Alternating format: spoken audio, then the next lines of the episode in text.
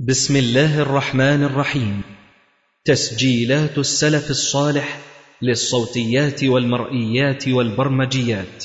تقدم هذا الإصدار لفضيلة الشيخ الدكتور محمد إسماعيل. الحمد لله رب العالمين. الرحمن الرحيم. مالك يوم الدين والعاقبة للمتقين. ولا عدوان إلا على الظالمين. وأشهد أن لا إله إلا الله وحده لا شريك له. وأشهد أن محمدا عبده ورسوله. اللهم صل على محمد النبي وأزواجه أمهات المؤمنين وذريته وأهل بيته كما صليت على آل إبراهيم إنك حميد مجيد. أما بعد حديثنا في هذا المساء ما زال حول أفرى الفرى وأكذوبة الأكاذيب التي يرددها أعداء الإسلام والمسلمين أن الإسلام دين قام على السيف وأنه لم يدخل فيه معتنقوه بطريق الطواعية والاختيار وإنما دخلوا فيه بالقهر والإكراه. سنعرض الحقيقة هذا المساء لشيء من التفصيل لهذه الفرية. أنا لا أريد أن أزعجكم ب يعني قراءة كلام بعض أعداء الإسلام من الفلاسفة والمفكرين والمستشرقين وغيرهم ممن يمارسون حيلة الإسقاط ضد الإسلام. وإن كنا قد تعرضنا لبعض هذه المقالات مثلا أرنست رينان. يقول إن الشرط الجوهري لنشر الحضارة الأوروبية هو زوال الإسلام وستظل الحرب قائمة في هذا المضمار ولن تنتهي إلا عندما يموت آخر ولد في ذرية إسماعيل بؤسا أو عندما يدحره الإرهاب فيتقهقر حتى قلب الصحراء. مثلا يقولون إن الإسلام انتشر بالسيف بينما انتشرت المسيحية بكسب القلوب بالمحبة. وهذا هو الذي أقصده بأنه أفرى الفرى لأن هنا الفرية كالعملة لها وجهان. وجه ادعاء أن الإسلام انتشر بالسيف والوجه الآخر الأشد قبحا وهو ادعاء أن المسيحية أو النصرانية انتشرت بالحب والتسامح والرحمة إلى آخره. وهذه أكبر كذبة في التاريخ كما سنبين إن شاء الله تعالى.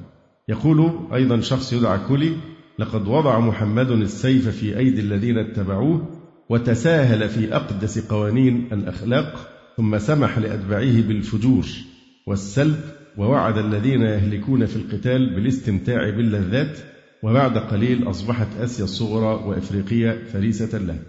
بل وصل الأمر بعضهم إلى أن يدعي يقول لهم إن محمدا هذا كان كاردينال في الكنيسة.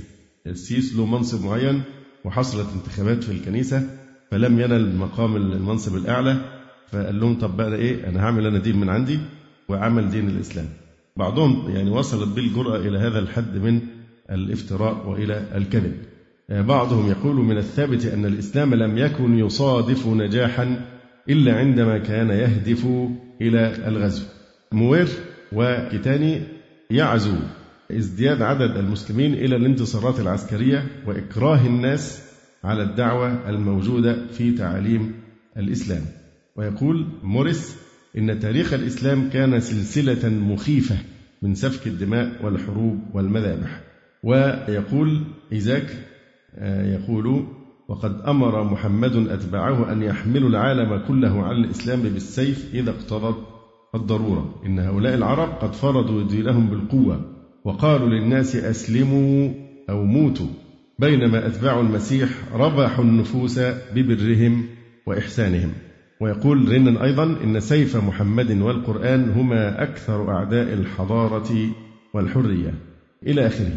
فهذه الفرية في الحقيقة ليست وليدة الاستشراق أو التنصير المعاصرين وإنما هي فرية قديمة ومن أقدم من رأيته يعني تكلم فيها أبو الحسن محمد بن يوسف العامري المتوفى سنة 81 و200 يعني في القرن الثالث الهجري في كتابه الرائع المبارك كتاب الإعلام بمناقب الإسلام. ذكر هذه الشبهة ورد عليها باختصار وأنا صورت من الكتاب نفسه الأصلي هذا الرد باختصار سنذكره. أيضا نلاحظ أن شيخ الإسلام ابن تيمية رحمه الله تعالى تعرض لهذه الشبهة في كتابه المبارك الجواب الصحيح لمن بدل دين المسيح. الإمام العامري في كتابه المبارك مناقب الإسلام طبعا كتاب الحقيقة تحفة تحفة من الناحية الأدبية. يعني كتاب مناقب الإسلام أو الإعلام بمناقب الإسلام هو عبارة عن تحفة أدبية راقية جدا جدا. هو الكتاب نادر في الحقيقة لكن صورت منه هذه الصفحات. هو بيبدأ كل فصل بحكم ذكر حكم ثم يدخل في الموضوع. مثلا الباب هنا خاتمة القول في الشبهات التي يتسلق بها المعاندون للإسلام. بالبحث تستخرج دفائن العلوم. ولولا الخطأ لما أشرق نور الصواب ولا فرق بين إنسان يقلد وبهيمة تنقاد.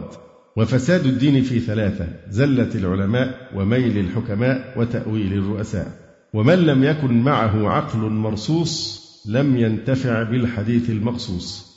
ثم يدخل في الموضوع يقول إذا تقرر هذا فمن الواجب أن نعود إلى ما هو غرضنا من الذكر فنقول إن الشبه التي يتسلق بها الطاعنون على دين الإسلام والملة الحنيفية وإن كانت مربية على العد والإحصاء فإن الذي يوجد لها تأثير في الأوهام ورواج على الضعفة من العوام بالغ في العدد أربعة ومتى تمكن العاقل من حلها وتحقق مواقع التدليس فيها لم يبق له فيما سواها من زبرج أقوال المتظرفين وزخارف تمويهات المتعنتين قوة يخشى بها الرواج عليه.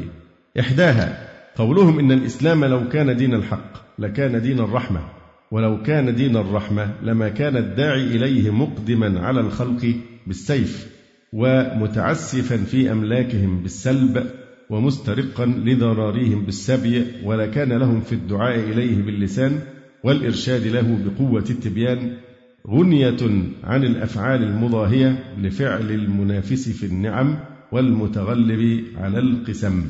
وذكر الشبه الأربعة الأخرى. يقول بعد ذلك القول في حل الشبهة الأولى كالعادة أيضا بدأ بنوع من الحكم ثم شرع في الموضوع. يقول القول في حل الشبهة الأولى الملك بالدين يبقى والدين بالملك يقوى. وموارد الأمور تشتبه وفي مصادرها يتضح اليقين. وإذا ضعف السلطان قوي الشيطان ولا يسلم على الناس أحد ولم يجتمعوا في الرضا على بشر. وطهارة النفس تعد غبطة دائمة وما أبين وجوه الخير والشر في مرآة العقل إذا لم يصدئها الهوى. هي الحقيقة الحكم بيكون لها علاقة بالموضوع لكن تحتاج نوع من التأمل. إذا تقرر هذا فنقول إن استعمال السيف والصوت قد يقع على صورة الجهاد فيصير محمدة لصاحبه ورحمة للعالمين. وقد يقع على صورة الفتنة والتصعلق فيصير مذمة لصاحبه ومحنة على العالمين. وإذا كان هذا غير مشكوك فيه فنحن إذا جدراء بأن نتعرف حال الداعي إلى الإسلام عليه الصلاة والسلام. أكان استعماله للسيف على الخليقة متعلقا بمصلحة عامة أو مرتبطا بمفسدة شاملة وأن نتعرف أحواله فيه. هل كانت مقترنة بالهداية والإرشاد أو كانت دالة على التخبط والاستفساد؟ فاستقصينا تتبع ذلك.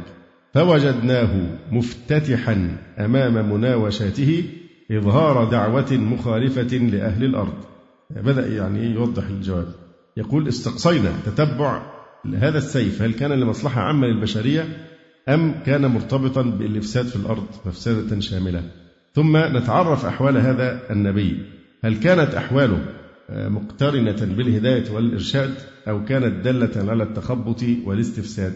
فاستقصينا تتبع ذلك فوجدناه مفتتحا أمام مناوشاته إظهار دعوة مخالفة لأهل الأرض. وهو عارف بضعف حاله ونزارة قدره وموقن أنه لا عداوة في الخلق أشد من عداوة الدين وأنه قد انتصب به لمناوئة العالم يعني الذي قام بهذه الدعوة شخص واحد تحدى العالم كله وكان يخبر بأنه سوف يسود دينه ويقهر كل خصومه وهو واحد والخصومة ليست على أرض ولا قطاعات ولا أموال وإنما خصومة على الدين ومعلوم أن الخصومة في الدين هي أشد أنواع الخصومات. يقول وأنه قد انتصب به لمناوئة العالم ملوكه وسوقته من غير أن يوجد معه مال ممدود وأعوان شهود وأنه ليس يصانع أحدا يتمكن مما يوافق هواه بل يدعوهم كلهم إلى ارتفاض الشهوات والإمساك عن اللذات وهجر الأملاك والأوطان وتوديع الأهل والولدان يطابقونه عليها بل يعرضون على تركها المال الجم والرياسة المعقودة. يعني بيغروه إنه تخلى عن هذه الدعوة ونحن إيه؟ نوليك علينا أو نعطيك المال أو نزوجك كذا إلى آخر هذه الإغراءات. وهو مع ذلك لا يلتفت إلى كلامهم. يقول بل يعرضون على تركها المال الجم والرياسة المعقودة وهو غير ملتفت إليها.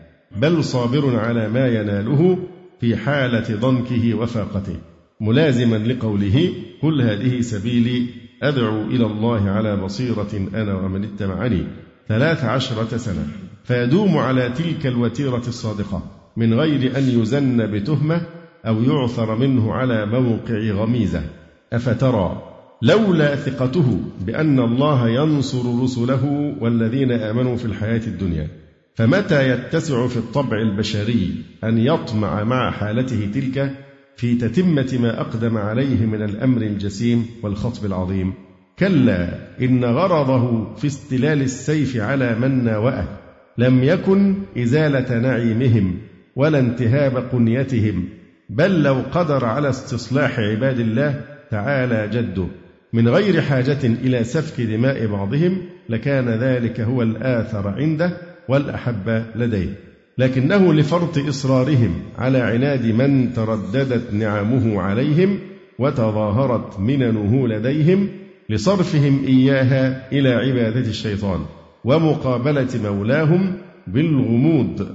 أحوج إلى أن يذهب معهم في إعمال السيف عليهم مذهب سائس أشفق على رعيته من عادية الخباث وحاول ردعهم عمن همكوا فيه من أبواب العيث فلم يجد إليه سبيلا إلا بإهلاك الأفراد ومعلوم أن ذلك لن يكون منه قساوة بل يكون مأثرة ورحمة ده باختصار شديد التعرض بس مجرد أن هو إشارة لهذا الكتاب الرائع المبارك لأنه كتاب نادر الحقيقة الحصول عليه.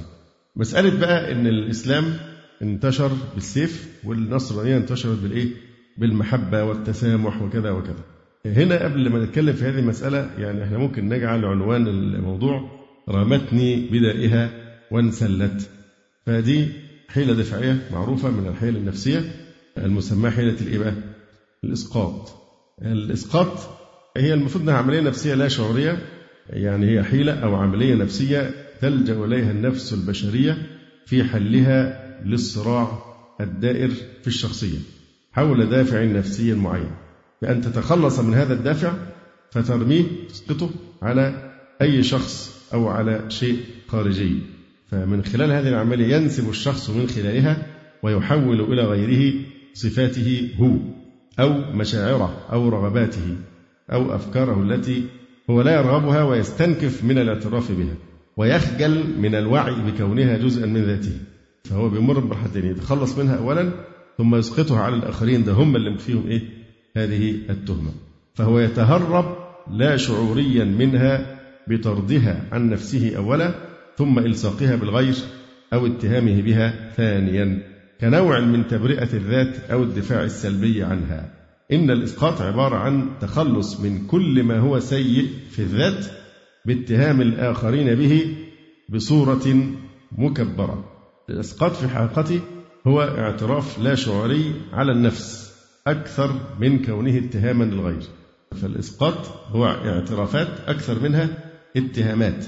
كما ذكرنا من قبل الشخص اللي دايما يشتم الناس ينتقد يتهمهم بالبخل وبالكذا وكذا فالاتهام هو يستعمل إصبعا واحدا فإصبع واحد يتجه للشخص الذي يسقط عليه ما هو فيه من العيوب. لكن كم إصبع متجه إليه هو؟ ثلاثة على الأقل إن لم يكن الرابع ينضم إليه. فدي نظرية الإسقاط هي في الحقيقة اعترافات أنه هو نفسه يعاني من هذه العيوب أكثر منها اتهامات للغير. مثال الإسقاط أن يسقط البخيل دافع البخل على الآخرين فيصف الآخرين بالبخل الشديد ظلما دون أن يفطن إلى أن البخل جزء من نفسه هو وليس من الآخرين. فهو يتخلص منه وينزه نفسه عنه أولا ثم يلصقه ثانيا بالآخرين. يعني هو يعني بعض المصنفين في هذه الحياة النفسية ما سابش حيلة إلا ووضع لها مثل بلدي من الأمثلة البلدية اللي بتعبر عن الأمثلة الشعبية التي تعبر عن إيه؟ عن حالة الإسقاط. بعضها أنا لا أستطيع أن أقرأه الحقيقة ما أستسيغ أن أقرأه لكن بعضها ممكن نحاول نعربه يعني. فمن ناحية الأمثلة العربية ينطبق عليك كل إناء بما فيه ينضح أو قولهم أن السعيد يرى الناس سعداء يسقط سعادته على الآخرين. والمجنون يرى أنه العاقل والآخرون هم المجانين. أما الأمثلة الشعبية فقولهم عيوبي لا أراها وعيوب الناس أجري وراها. الحقيقة نحتاج الأمثلة الشعبية تبقى موجودة في هذا الموضع. وفي موضع ثاني يعني لا تستعجبوا إذا علمتم أن اللي بيدرسوا العلوم النفسية يكونوا فاهمين الأمثلة الشعبية جدا وبيحفظوا كتير قوي منها بسبب أنها بتستعمل في الفحص العقلي. في الفحص العقلي الإنسان لازم نقول له مثل بلدي باللغة باللغة التي يفهمها ونقول له اشرحه لنا. يعني تقول له القرش الأبيض ينفع في اليوم الأسود. فإذا كان عنده مرض ذهنية مثلا ومتحجر التفكير فيقول لك إيه؟ إن القرش اللي لونه أبيض ينفع في اليوم اللي لونه أسود. أو على قد لحافك مد رجليك. يقول لك لما تيجي تنام اللحاف بتاعك يشوفه لو بطريقة إيه؟ آه، متحجرة. في حين هو مثل أعم من كده. يعني له تفسير ثاني أعم من فده السبب اللي بيكون عندهم آه، فهنا مثلا بيقول كلم الفاجرة تدهيك وتجيب اللي فيها فيك. فده كله أمثلة بتعكس لنا فكرة الإسقاط إن دايما هي عبارة عن اعترافات بوجود العيوب فيه في حين أنه يحاول أن يبرئ نفسه منها ويسقطها على الآخرين كان لابد من شرح معنى الإسقاط ولو أرادوا بقى في الأمثلة دي بدل ما يجيبوا أمثلة الشعبية اللي عايز يعرف الإسقاط على أصوله يشوف موقف النصرانية من استعمال السيف في سبيل نشر دينها. وكيف أن المنصرين يعني يتجاسرون على أن ينطقوا بهذه الفرية الفاجرة؟ أن الإسلام انتشر بالسيف وأن النصر هي دين الإيه؟ المحبة والتسامح. فدعنا الآن ننظر في المحبة على الطريقة النصرانية. بعض أحرار الأوروبيين ده أوروبي غربي زيهم نصراني فبيقول إيه؟ بيقول لم يصدق المسيح في نبوءة من نبوءاته مثلما صدق في قوله ما جئت لألقي على الأرض سلاما بل سيفا. يعني دي أصدق كلمة قالها المسيح. إذا نظرنا إلى تاريخ النصرانية هنجد أن فعلا دي أصدق نبوءة تنبأ بها المسيح ما جئت لألقي على الأرض سلاما بل سيفا. وأن الأتباع الذين انتسبوا للمسيح عليه السلام زورا قهروا الناس على الدخول في دينهم بالسيف وبالتعذيب وبالبطش وبالإرهاب وبالتنكيل بصورة ليس لها في التاريخ البشري كله نظير كما سنرى. فلم يعرف التاريخ. عن ملة قتل أهلها بعضهم بعضا مثل ما حدث في الملة النصرانية أو عشرة آه، معشارهم. فعامة الناس يشيعون أن النصرانية دين المحبة لأن المسيحية المخلص يستغفر لأعدائه ويطلب لهم الهداية بل يحب لاعنيه إلى آخره. لكن الحقائق التاريخية عودتنا على أن نفصل بين المبدأ وبين التطبيق.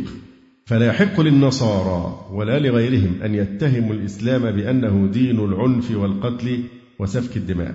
وفي كتابهم المقدس من النصوص ما يفحمهم ويدينهم.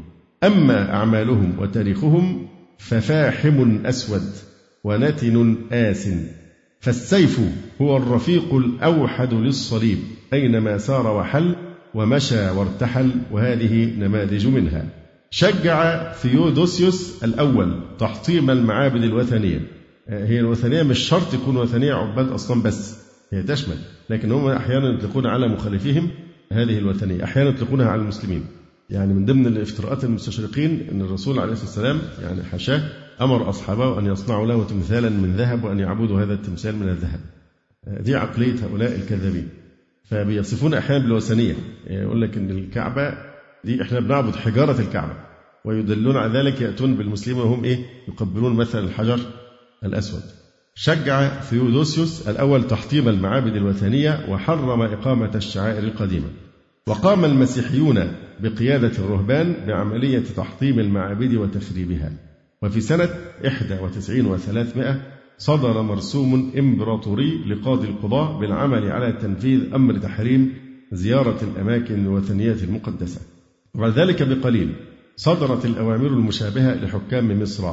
فبدأ أسقف الإسكندرية اضطهادا واسعا تؤيده القوة العسكرية الرومانية. إن انتشار النصرانية ابتداء من أواخر القرن الرابع الميلادي.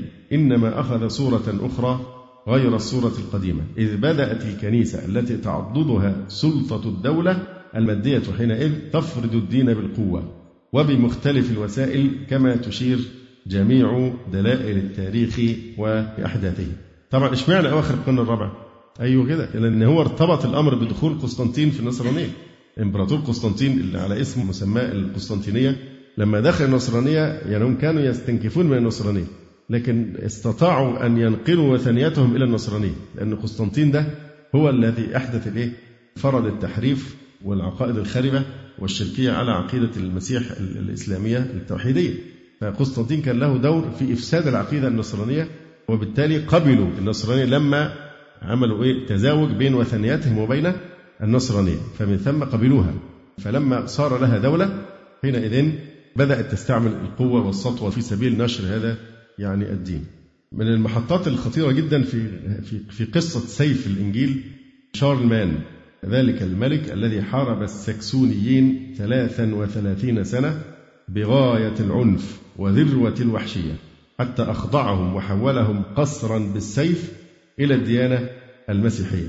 وكان الشعار المرفوع أهو حتى ده كتاب مختصر تاريخ الكنيسة لأندرو ميلر شاهد من أهلها. في فصل في الكتاب أهو اسمه سيف شارلمان أو المعمودية. يعني كان الخيار أمام الشعوب بالذات في ألمانيا كان خيار محدد يا إما تتعمد يعني التغطيس بقى واللي هو إدخاله في النصرانية بالتعميد يا إما يقتل بالسيف. مفيش حاجة سيف شارلمان يا إما آه، المعمودية. يقول آه، موير وده نصراني مؤرخ نصراني يقول كان الغرض الذي يعترف به شارلمان هو غرس المسيحية في أجزاء ألمانيا النائية ولكن مما يدعو للأسف الشديد أنه استخدم لذلك وسائل عنيفة جدا فكان يضطر الألوف للدخول في مياه المعمودية تخلصا من الموت الشنيع. وكان الاصطلاح الذي يستعمله الغازي شارلمان وهو بيفتح بقى البلاد ويغزوها هو السيف أو المعمودية. تتنصر يا تقتل ما في خيار آخر.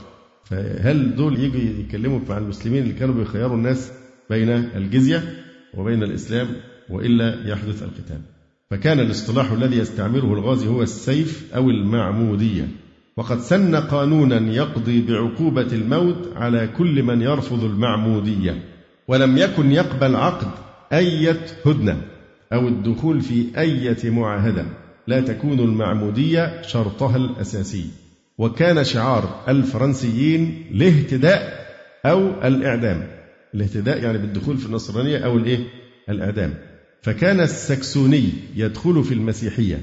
وديانته القديمة باقية في ضميره وهو لا يرى في الديانة الجديدة أية آه، ميزة أفضل لأن المعمودية كانت في نظره كلمة مرادفة للعبودية والمسيحية عنده كان معناها الخضوع لنير أجنبي وكان يعتبر الخضوع للمعمودية ليس فقط تخليا عن ديانته القديمة بل عن حريته الشخصية أيضا. بهذا الشعور المضاد للمسيحية. بل والإنسانية أيضا. أجرى شارلمان حروبه ثلاثة وثلاثين عاما كما قلنا فخرج على رأس جيوشه قاهرا القبائل المتوحشة ويقال إنه لم يقابل قط خصما يعادله في العدد أو الأسلحة أو التدريب الحربي.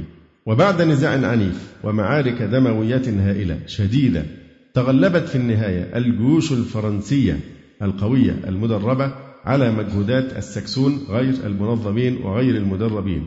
قال جرينوود إن البقية التي بقيت بعد ثلاثين معركة هائلة ومذبحة عامة انضمت إلى الإمبراطورية الفرنسية وإلى الديانة المسيحية وأنشئت الأديرة ومختلف الأماكن الدينية في جميع أجزاء البلاد وزودت الكنائس التي أنشئت بخدام من مدرسة بونيفاس تلك المدرسة التي لم تكن تفرق بين قانون المسيح وقانون روما.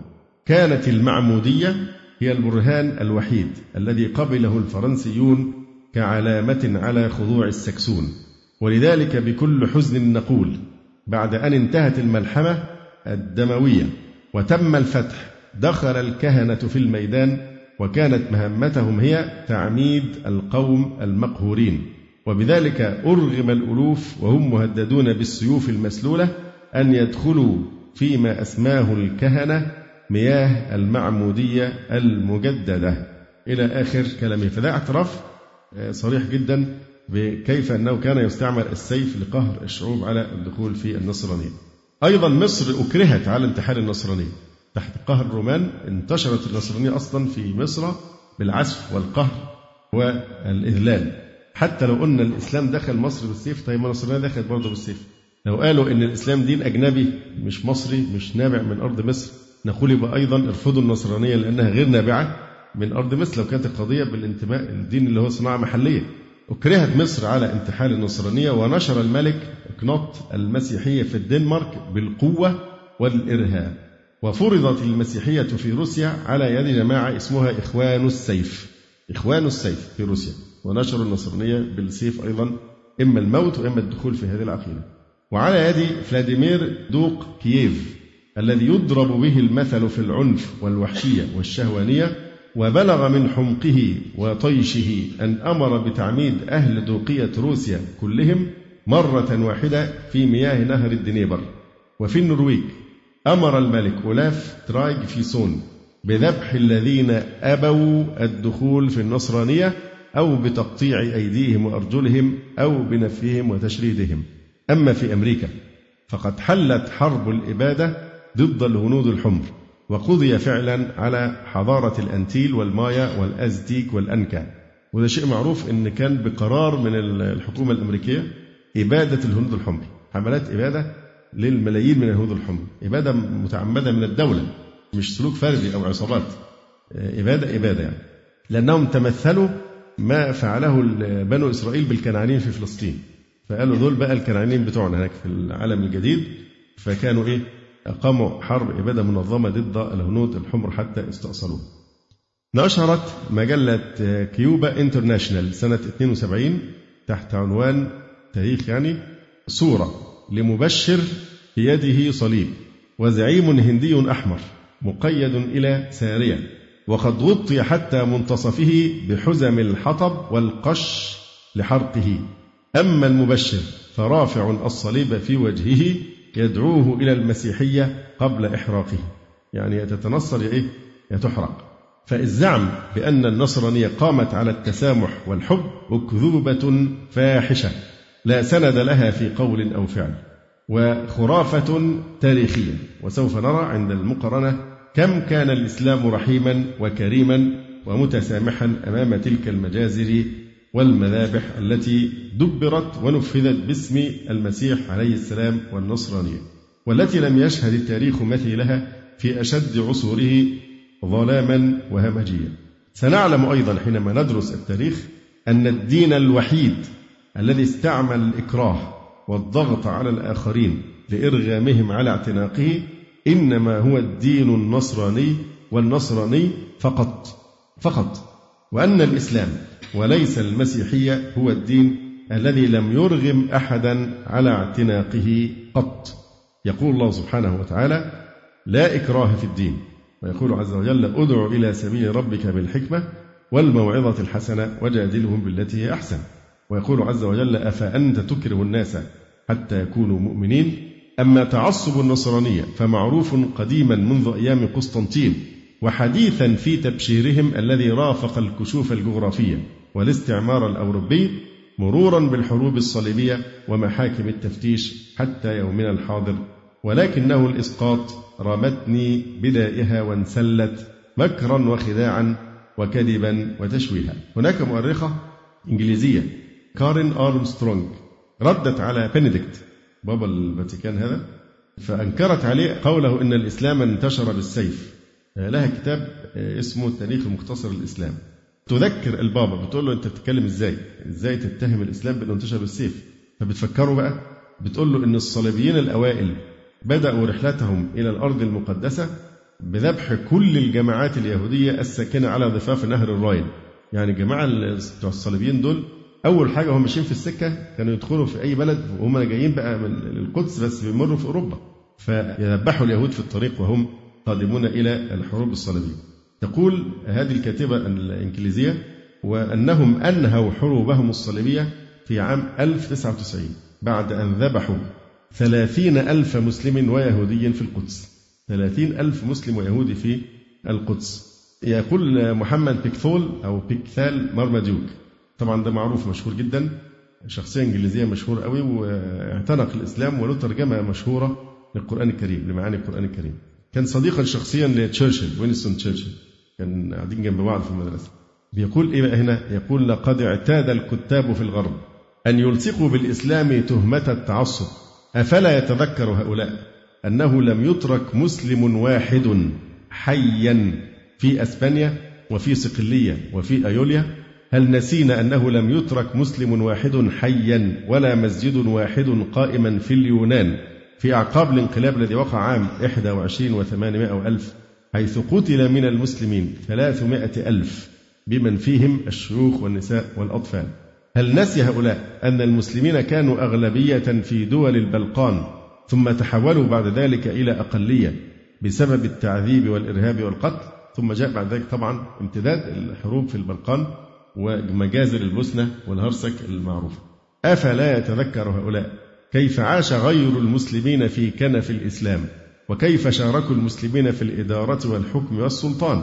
حتى إذا سقط علم الخلافة وأتيحت لهم الفرصة استباحوا دم المسلم وعرضه أو يترك الإسلام. فستبقى الحقيقة ثابتة تصرخ في وجه المفترين بتسامح الإسلام وتعصب النصرانية. وبأن تاريخ الأمم النصرانية وأكثر من هذا تاريخ الكنيسة بالذات مدرج بالدماء وملطخ ولربما أكثر تدرجا ووحشية من أي شعب وثني آخر من العالم القديم. وليت شعري هل أوجدت الكنيسة وأحدثت في إسبانيا حضارة ذات بال تستحق الذكر؟ إنهم المسلمون العرب هم الذين غيروا وبدلوا وقلبوا وحولوا هذه البلاد إلى حدائق ورياض وبساتين وجنان وهم في الوقت نفسه مشتغلون بجميع أنواع العلوم ومكونين وموجدين تمدنا وعمرانا وحضارة حقيقية. إن أمما ذوات حضارات زاهية باهرة قد أزيلت وأبيدت ومحيت ببساطة وسهولة من عالم الوجود وكل ذلك باسم الدين النصراني. نستمر في توضيح هذه المسألة رمتني بدايها وانسلت. لكن نحتاج أن نوضح ما موقف المسيح عليه السلام من السيف؟ ولماذا لم يحارب المسيح عليه وعلى نبينا الصلاة والسلام نقول أولا إن عدم حصول القتال من المسيح عليه السلام لا يقدح في مشروعيته ولا يدل على أن تركه أفضل مطلقا بل قد يكون مرد ذلك إلى اختلاف الشرائع. لكل جعلنا منكم شرعة ومنهاجا. نحن نقر بأن لكل رسالة خصوصيتها فالمسيح بعث فقط رسولا إلى بني إسرائيل.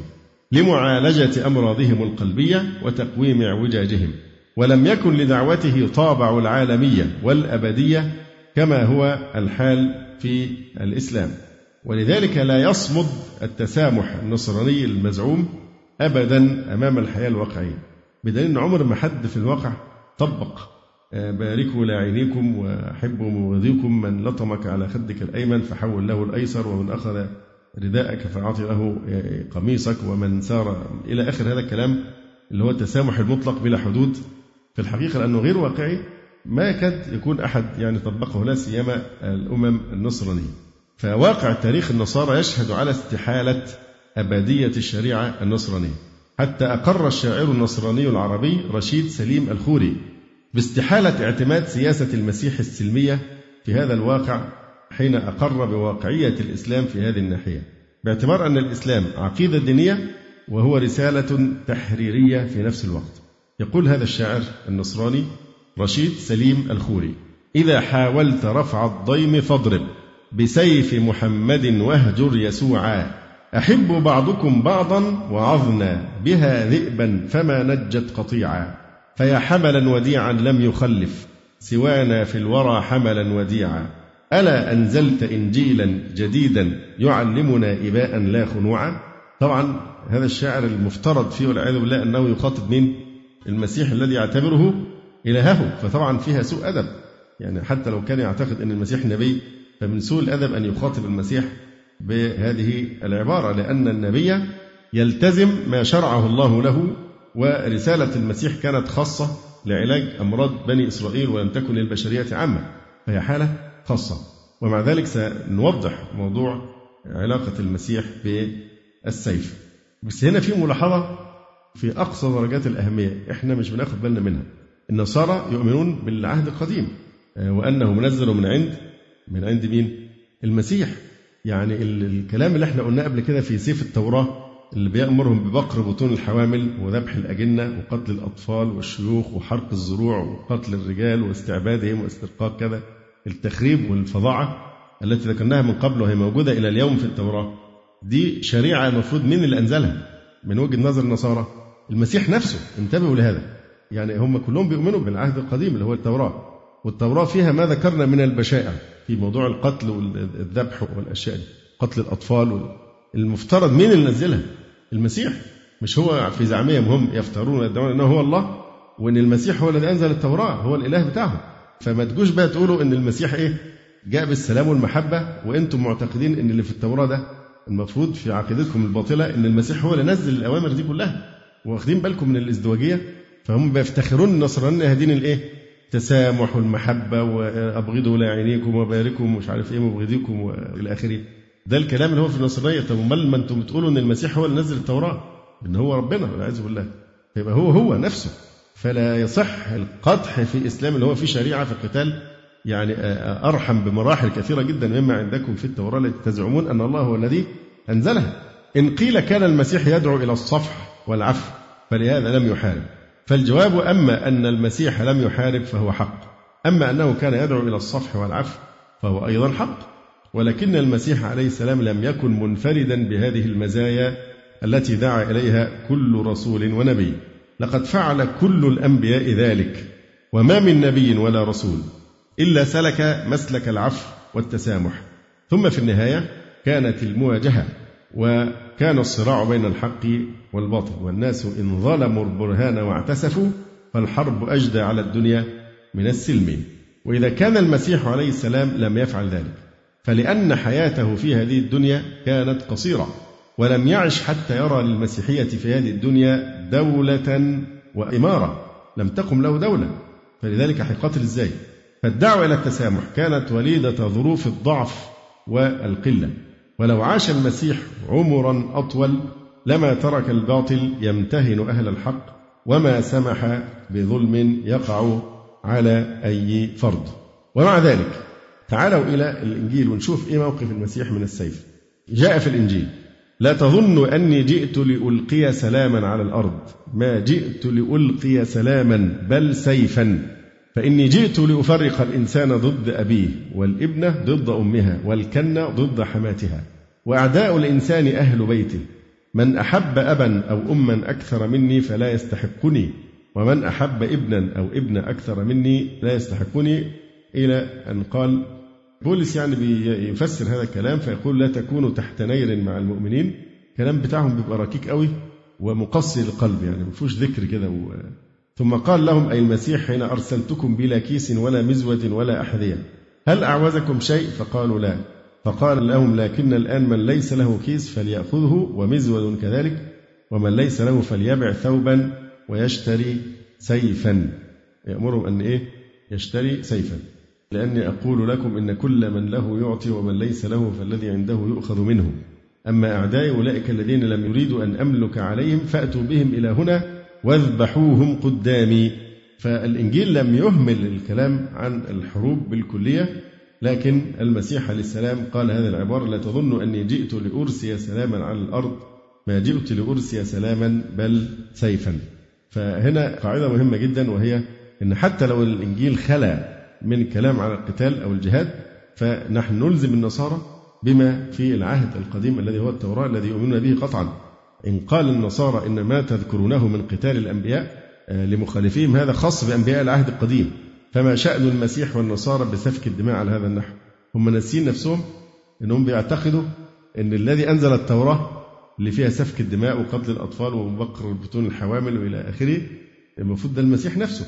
فمش محتاجين ندل لأن الإيمان بالعهد القديم ده ركن يعني أساسي. فالكتاب المسمى بالمقدس بقسميه القديم والجديد كل لا يتجزأ. والإيمان المسيحي لا يفرق بين سابق ولاحق والمسيح عليه السلام يقرر أنه ما جاء لينقض الناموس اللي هي شريعة موسى. بل جاء ليكمل. والمسيحيون باختلف مذاهبهم يجمعون العهدين القديم والجديد في مجلد واحد. ولو ذهبت إلى أية كنيسة وسألت أي راهب أو قس عن العلاقة بين العهدين لن تختلف الإجابة على الإطلاق في أنهما شيء واحد مقدس. وإنكار ما جاء في العهد القديم أي التوراة هرطقة مرفوضة من أي مجمع مقدس. حتى الزعم بإبطال نصوص القتل في النصرانية يعني حتى كلمة أحبوا أعداءكم ومن لطمك على خدك الأيمن فحول له الآخر أيضا علماء النصارى نفسهم بيردوا على الكلام ده.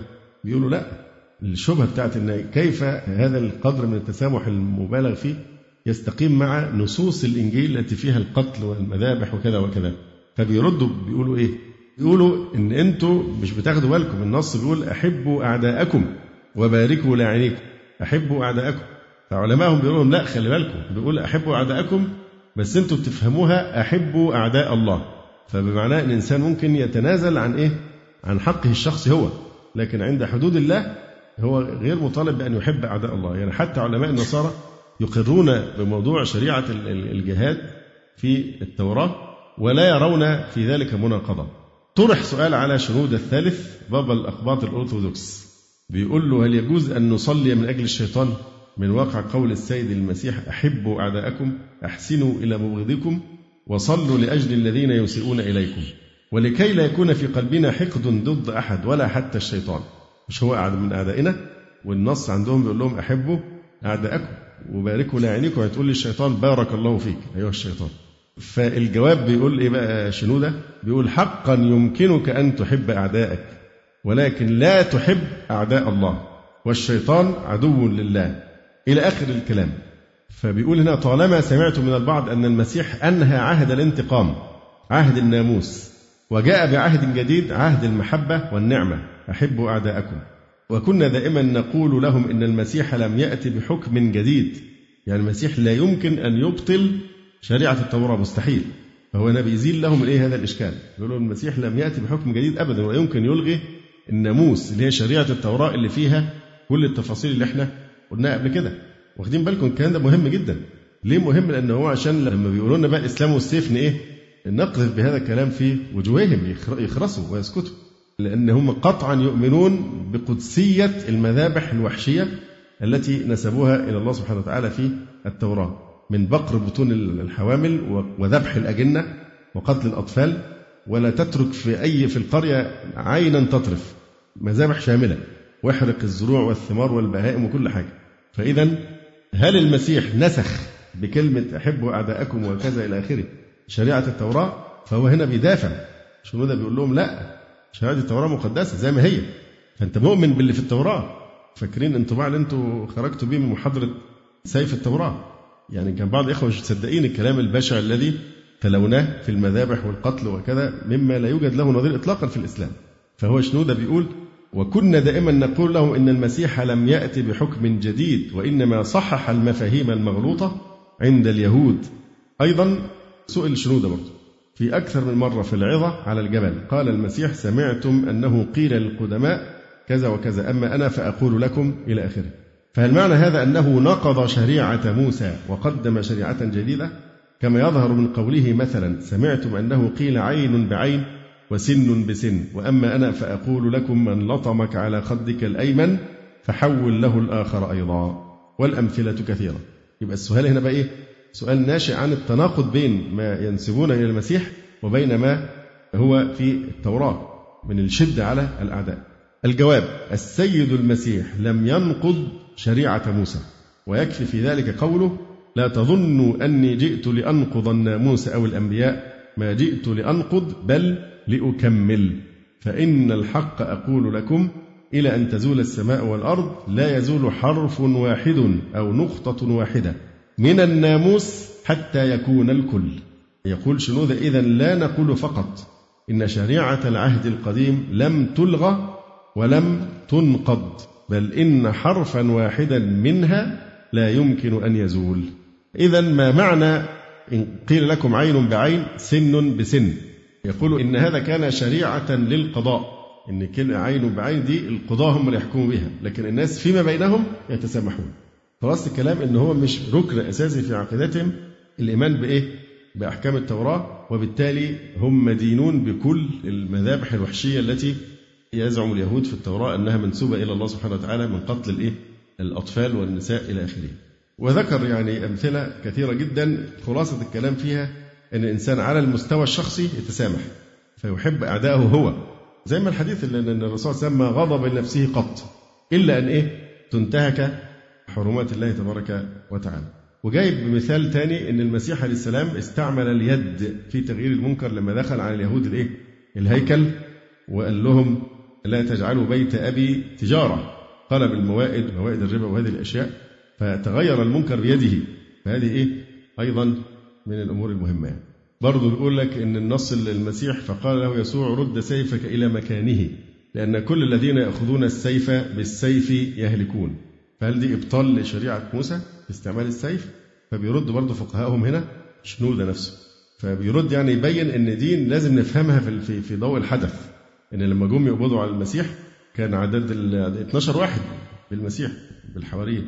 والجيش الروماني داخل بثقله وأسلحته وكذا. فقال لهم كلمة قال لهم الذين يأخذون السيف بالسيف يهلكون لو قاومتم هيقتلوكم كلكم فهو انه لا يقر قاعدة عامة لكنه بيتكلم في حدود الإيه؟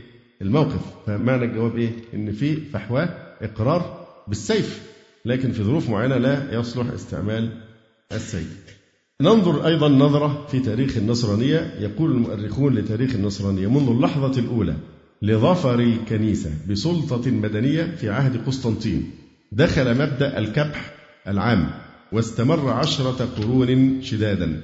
رسف فيها العقل والقلب في الأغلال وعانى من قسوته اليهود والوثنيون كثيرا.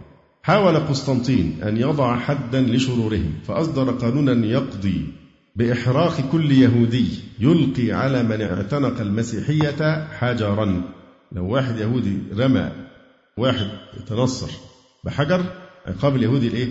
الإحراق بالنار. وعقاب كل مسيحي تهود ثم عدل العقاب إلى مصادرة الأملاك. فإن تزوج يهودي بمسيحية أعدم. قال وقد أبان نستريوس بالطريق القسطنطينية عن مبدئه في الاضطهاد هنا قال الإمبراطور قال الإمبراطور القسطنطين إيه؟ أعطيني الدنيا وقد تطهرت من الملحدين اللي هم غير النصارى يعني. أعطيني الدنيا وقد تطهرت من الملحدين أمنحك نعيم الجنة المقيم. ثم شرعت عقوبة الإعدام للملحدين ونظم إفناؤهم. الملحد حتى لو نصراني من مذهب تاني يسموه ملحد.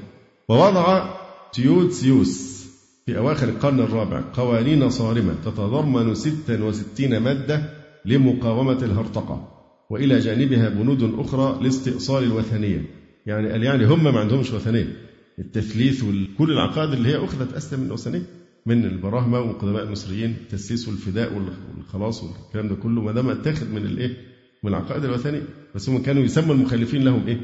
وثنيين إلى جانبها بنود أخرى لاستئصال الوثنية ومناهضة الأديان اليهودية والارتداد عن الدين ومزاولة السحر ونحو ذلك. وكان هذا الدستور يقضي بإقصاء الوثنيين عن وظائف الدولة وتحريم طقوسهم وحظر عبادتهم وهدم معابدهم وتحطيم صورهم. في أوائل القرن الخامس ظهر القديس أوغسطين وهو رجل عنيف المشاعر بالغ القسوة. كانت حياته سوط عذاب على مخالفي المسيحية ورافضي الدخول فيها. أمد حركة الاضطهاد بالوقود الذي زادها ضراما ورسم للأخلاف مثلا سيئة للجماح والتوحش وتمشيا مع هذا سلم أوغسطين بمعاقبة الملحد بالنفي والجلد وفرض الغرامات ووضع للكنيسة دستورا تلتزمه إزاء كل حركة إلحادية. ومن رأي أوغسطين الذي استمده من عقيدة الخلاص ومن نصوص العهد القديم أن عقاب الملحدين هو من دلالات الرفق بهم وشواهد الرحمة. دي من علامات الرحمة بهؤلاء الملحدين آه، والرفق بهم أن يعاقبوا. إذ كان هذا العقاب ينقذهم من العذاب الأبدي الذي ينتظر المرتدين عن المسيحية. إن الهرطقة في الكتاب المقدس وكأنها نوع من الفسق والمروق وعبادة الأوثان إنها أسوأ أنواع القتل لأنها قتل للأرواح. ومن أجل ذلك اقتضت العدالة أن ينال أهلها ما يستحقون من عقاب. وإذا كان العهد الجديد قد خلا ده مين اللي بيتكلم؟ أوجستين يقول وإذا كان العهد الجديد قد خلا من رسول استخدم القوة والعنف في نشر الدين فقد كان هذا لأن عصرهم قد خلا من وجود أمير يعتنق المسيحية كانش في دولة. لكن متى ما جت الدولة على يد قسطنطين يبقى لابد من إيه؟ إما الدخول في النصرانية وإما القتل. هكذا يقول أوغسطين يعني أن المسيحية لم تستعمل القوة من عهد عيسى لأنها لم تتح لها ولم تتيسر وسائلها ولو أتيحت لها ما تورعت عن قهر الأمم بها. أما القديس المفترس القديس الجبار يقول مستدلا على آرائه هذه من حوادث العهد القديم. جايب بقى إيه؟ أمثلة على قهر الناس على الدخول في الدين. ألم يذبح آل يشع بيده أنبياء بعد؟ ألم يحطم حزقيال ويوشع ملك؟ بخت نصر بعد ارتداده. إن أتباع الاضطهاد من أمثال القديس أوجستين قد استندوا إلى آيات وردت في الإنجيل.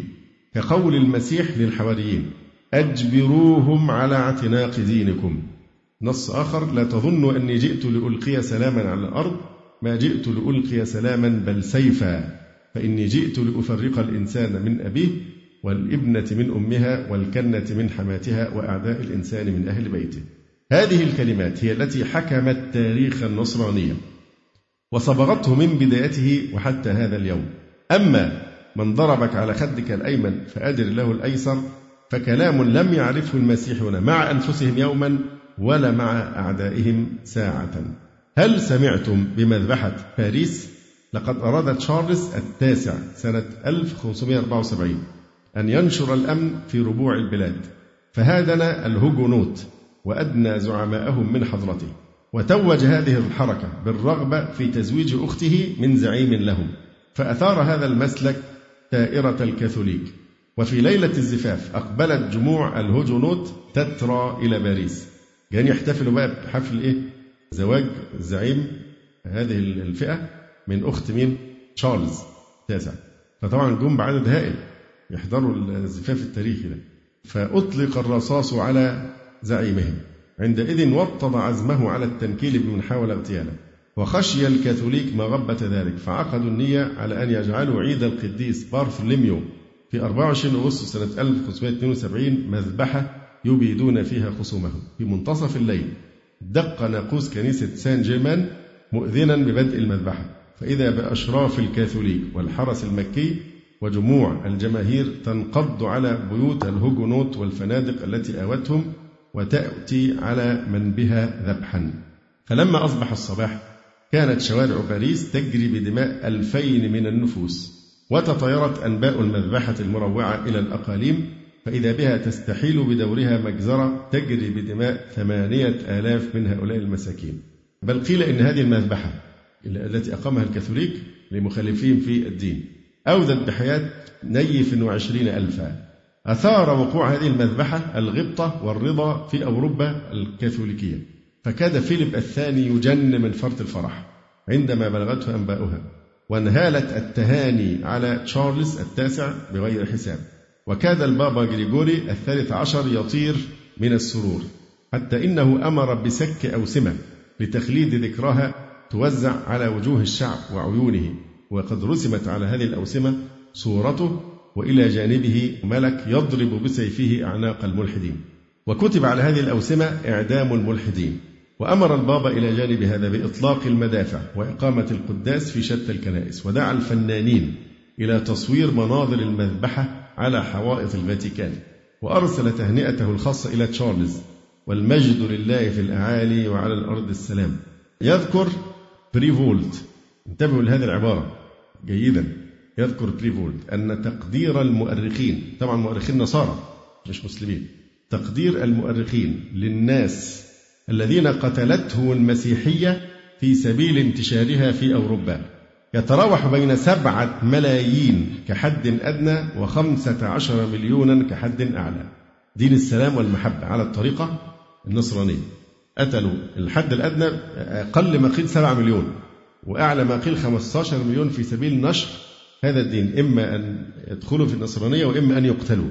فقتل من سبعة إلى 15 مليون آه، مش دجاجة آه، إنسان في سبيل إكراههم على الدخول في هذا الدين.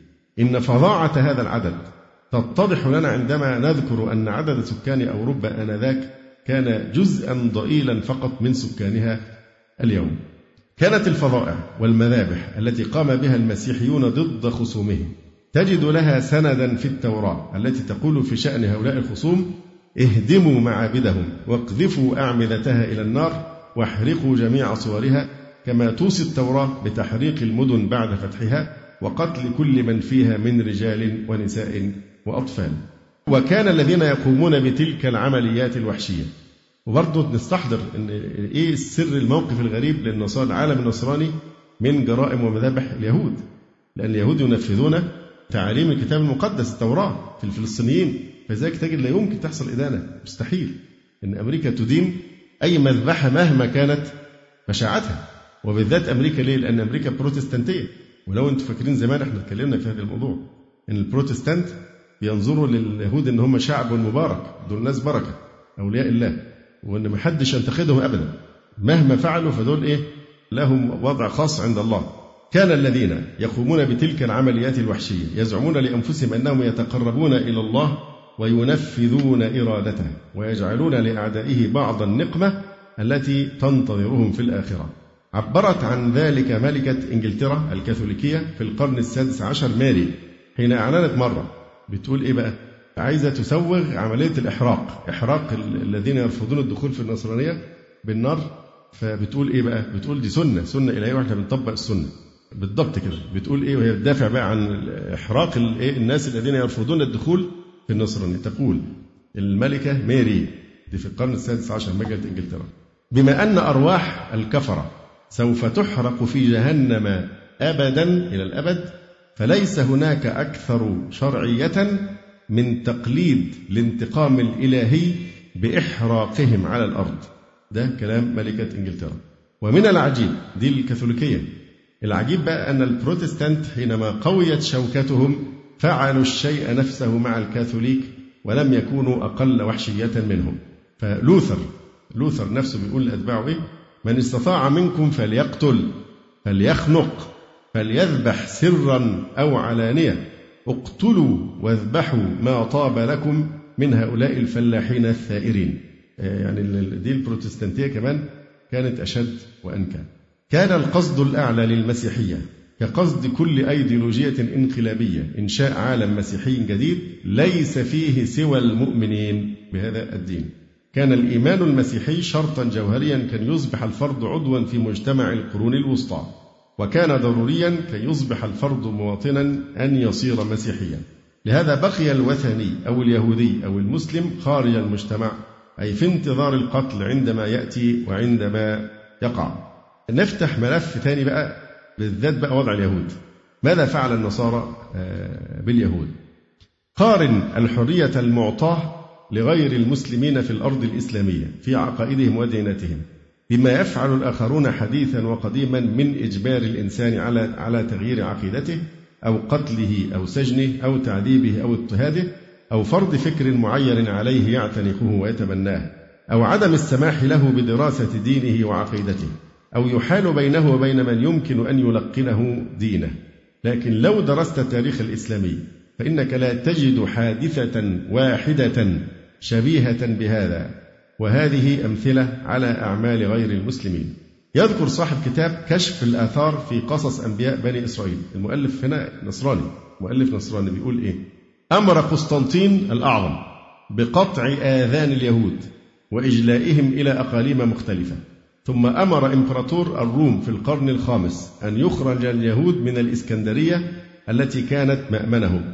وأمر بهدم كنائسهم ومنع عبادتهم وعدم قبول شهادتهم وعدم نفاذ الوصية إن أوصى أحد منهم لأحد في ماله.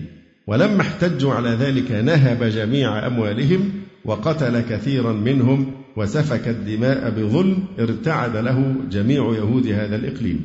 يهود بلدة أنطيوح. لما أسروا بعدما صاروا مغلوبين قطع أعضاء البعض وقتل البعض. وأجلي الباقون منهم كلهم وظلم الإمبراطوري الروماني اليهود الموجودين في المملكة كلها وأجلاهم وهيج الدول الأخرى على هذه المعاملة فتحملوا بذلك الظلم من آسيا إلى أقصى حد في أوروبا. ثم بعد مدة كلفوا في أسبانيا أن يقبلوا شرطا من شروط ثلاثة أن يقبلوا الملة المسيحية فإن أبوا عن قبولها يكونون محبوسين. وإن أبوا عن كليهما يجلون عن أوطانهم ومثل ذلك حدث في فرنسا. فكانوا ينتقلون من إقليم إلى إقليم لا يقر لهم قرار ولم يحصل لهم أمن بل قتلوا في كثير من الأوقات كما قتلوا في ممالك الفرنج. يقول المؤلف نصراني بيقول إن أهل ملة الكاثوليك كانوا يظلمونهم وكانوا يعتقدون أنهم كفار وعلماء هذه الملة عقدوا مجلسا للمشورة وأجروا عليهم عدة أحكام على اليهود.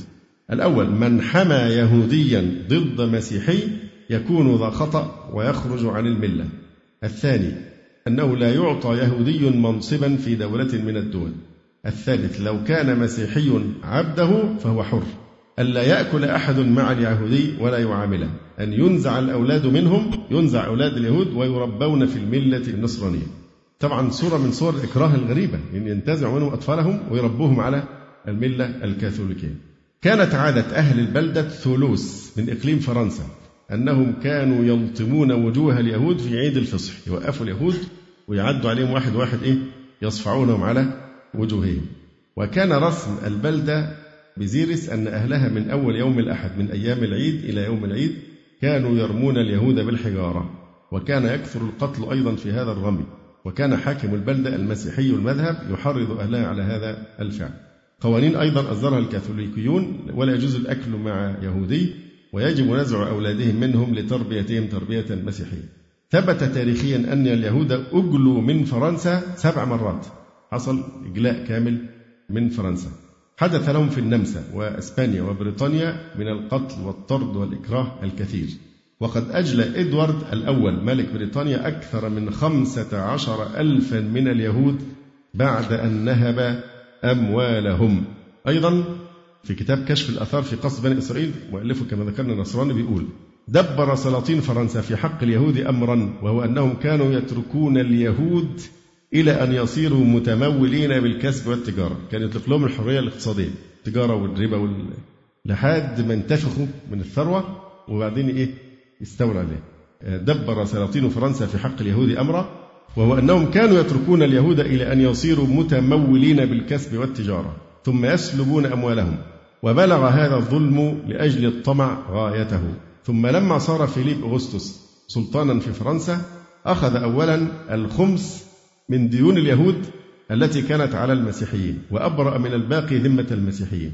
وما أعطى اليهود حبة. ثم أجلى اليهود كلهم من مملكته ثم جلس على سرير السلطنة لويس الثامن ابنه وقد أجلى اليهود مرتين من مملكته. ثم أجلى شارل السادس اليهود من مملكة فرنسا.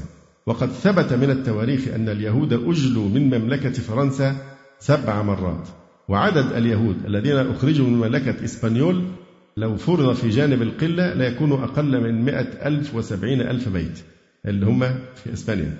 تورد من إسبانيا أقل تقدير مئة ألف وسبعين ألف بيت أسرة. وفي مملكة النمسا قتل كثير منهم ونهب كثير منهم ونجا منهم قليل وهم الذين تنصروا عشان ينجو يتنصر. ومات كثير منهم بأن سدوا أولا أبوابهم ثم أهلكوا أنفسهم وأولادهم وأزواجهم وأموالهم إما بالإغراق في البحر أو بالإحراق بالنار. وقال صاحب سير المتقدمين إن السلطان السادس من قسطنطين الأول أمر بمشورة أمرائه في سنة 79 و300 أن ينصر كل من هو في السلطنة الرومية ويقتل من لم يتنصر. فدي تسامح ومحبة؟ فين بقى دين الذي انتشر بالسيف؟ أصدر الملك لويس الحادي عشر سنة 1724 قانونا يقول فيه إن الكاثوليكية وحدها مأذون بها أما أصحاب الديانات الأخرى فجزاؤهم الأشغال المؤبدة وكل واعظ يدعو إلى ملة غير الكاثوليكية جزاؤه الموت. وقتل في فرنسا في مذبحة واحدة وهي الشهيرة بمذبحة بورتو الماوس واحد وثلاثون ألفا من البروتستانت. دون نصارى دون نصارى 31 ألف بروتستانت في مذبحة واحدة. وقتلت محاكم التفتيش حرقا بالنار حوالي 230 ألف والذين قتلوا بالسيف وبآلات التعذيب خلق كثير. طبعا ده التعداد ده مش داخل فيه المسلمين. في محاكم التفتيش في الأندلس حرقا بالنار قتلت 230 ألف. والذين قتلوا بالسيف وبآلات التعذيب خلق كثير. هذا من غير المسلمين.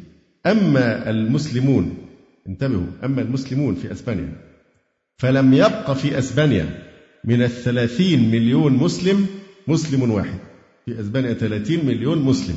لم يبق فيها مسلم واحد. كلهم غدر بهم.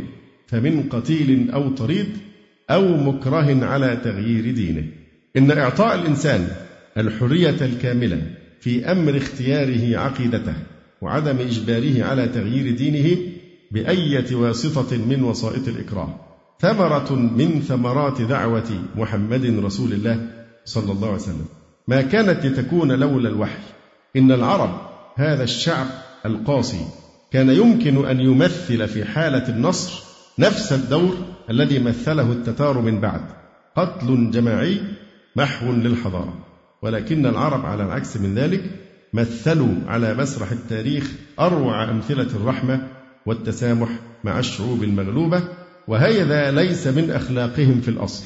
لولا دعوة الله ودين الله ومحمد رسول الله صلى الله عليه وآله وسلم.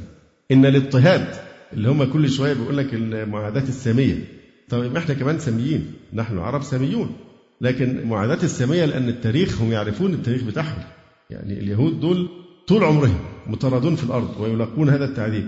لم يجدوا الأمان إطلاقا إلا في حكم المسلمين. ولذلك لما كانت الضوائق تشتد بهم ما كانوا يجدون مكانا في الأرض يفزعون إليه. إلا بلاد المغرب من الأندلس هربوا ومروا المغرب وعاشوا في أمان وتبات ونبات ووصلوا للوزارة الآن. في اليهود أظن في المغرب وزير السياحة يهودي. ولهم وضع يعني أو في بلاد الشام أو اليمن أو مصر أو غيرها ما كانوا يجدون ملجأ وملاذا إلا تحت حكم الإسلام. لم يعرفوا إكراها على الدخول في الدين ولا أي نوع من الظلم كما هو معلوم. ولذلك بعض العقلاء من اليهود يصرحون بهذا. وقام واحد سنأتي بكلام إن شاء الله اللي هو رئيس منظمة السلام في الدولة اللقيطة هاجم بنديكت البابا هذا هاجمه وقال له إزاي تقول إن المسلمين دينهم انتشر بالسيف وقعد يعني إيه يعترف بجميل المسلمين على اليهود أن اليهود في طيلة تاريخهم لم يجدوا لهم ملجأ وملاذا سوى أن يدخلوا تحت مظلة الحكم الإسلامي ليضمنوا حماية حقوقهم وحياتهم وعدم إكراههم على دينهم على دين الآخر يعني. فالاضطهاد الذي لاحق اليهود في رحلة حياتهم الطويلة لم يكن للمسلمين فيه جمل ولا ناقة بل كان المسلمون بالنسبة لهؤلاء اليهود سفينة النجاة في كل عصر تعرضوا فيه لأية محنة. مثال كان اليهود في شبه جزيرة أيبيريا اللي هي الأندلس. أو ما يعرف الآن باسم البرتغال البرتغال وأسبانيا. كانوا كتلة كبيرة عاملة ولكنهم كانوا موضع بغض وتحامل من السلطة والكنيسة. في عهد الملك سيزبوت فرض التنصر على اليهود أو النفي أو المصادرة. فاعتنق كثير منهم النصرانية كرها ورياء. ده سنة 616 ميلادية. ثم توالت عليهم بعد ذلك صنوف الاضطهاد والمحن. حتى ركنوا مرة إلى التآمر وتدبير الثورة وتفاهموا مع يهود المغرب على المؤازرة والتعاون. ولكن المؤامرة اكتشفت قبل نضجها سنة 694 وكان ذلك في عهد الملك راجيكا فقرر أن يشتد في معاقبتهم واجتمع مؤتمر الأحبار في طليطلة للنظر في ذلك وأجاب الملك إلى ما طلبه. وقرر معاقبة اليهود باعتبارهم خوارج على الدولة يتآمرون على سلامتها. ولأنهم ارتدوا عن النصرانية التي اعتنقوها من قبل وقرر أن ينزع أملاكهم في سائر الولايات الأسبانية وأن تحول إلى جانب العرش وأن يشردوا ويقضى عليهم بالرق الأبدي للنصارى وأن يهبهم الملك عبيدا لمن شاء وألا يسمح لهم باسترداد حرياتهم ما بقوا على اليهودية وأن ينزع أبناؤهم منذ سن السابعة ويربون على دين النصرانية. وألا يتزوج يهودي إلا بنصرانية ولا تتزوج يهودية إلا بنصراني وهكذا عصفت يد البطش والمطاردة باليهود أيما عصف. فكانوا قبيل الفتح الإسلامي. ضحية ظلم لا يطاق وكانوا يتوقون إلى الخلاص من هذا النير الجائر. ويرون في أولئك الفاتحين الذين يتركون للناس حرية الضمائر والشعائر مقابل جزية ضئيلة ملائكة منقذين. كانت هذه السورة للواقع اليهودي في المغرب والأندلس بين سنتي 616 إلى 694 ميلادية. تقابل في المشرق الفترة الواقعة بين الهجرة النبوية الشريفة وخلافة عمر وفتح الشام وفارس ومصر والعراق وخلافة علي وقيام الدولة الأموية. ثم أول اصطدامات ضد البيزنطيين في ديارهم ذاتها وأول حصار للقسطنطية سنة 79 و600 ولم يتأخر فتح الأندلس كثيرا لأن الأندلس فتحت سنة 711 ولذلك لم يكن غريبا حين عبر طارق بن زياد رحمه الله بجيوشه إلى أسبانيا أن اليهود كانوا يعاونون المسلمين في تلك الفتوح. وعندما وصل طارق بن زياد بجيوشه إلى طليطلة مخترقا هضاب الأندلس كان القوط قد فروا والقوط دول أصلا كانوا محتلين أسبانيا. يعني القوط مش هم الصحابة البلاد الأصليين يعني هو كان في نوع من الاستعمار بس باقي مدة القوط في أسبانيا. فكان القوط قد فروا ولم يبق فيها سوى اليهود وقليل من النصارى. فاستولى طارق عليها وأبقى على ما بقي من سكانها وترك لأهلها الكنائس وترك لأحبارها حرية إقامة شعائرهم الدينية. يقول المؤرخ الأمريكي سكوت. وطبعا كان مناسب قوي إن إحنا الأسبوع اللي فات قبل ما ما نجيب الكلام ده إن إحنا ذكرنا كلاما مفصلا على لسان شهود إيه؟ من أهلها. هم الذين شهدوا المؤرخون والمفكرون الكبار الذين لا يختلف عليهم عند الغربيين بتنزيه الإسلام من أي نوع أو أي صورة من صور الإكراه أو القهر أو التعصب ضد الذميين. المؤرخ الأمريكي سكوت يقول كان دفع الجزية يضمن الحماية لأقل الناس. وكان يسمح للوارع المتعصب أن يزاول شعائره دون تدخل كما يسمح لغيره أن يجاهر بآرائه دون خشية لمطاردة والأحبار يزاولون شؤونهم في سلام.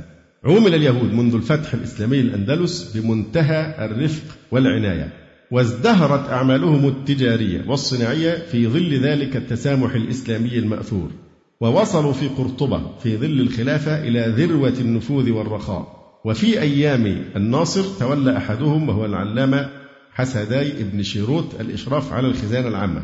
وكان قبل ذلك قد حظي برعاية الناصر لخدماته الدبلوماسية وترجمته لكتاب ديستوريدس عن الأعشاب الطبية من اليونانية إلى العربية. وهو الكتاب الذي أهدى قيصر منه نسخة إلى الناصر.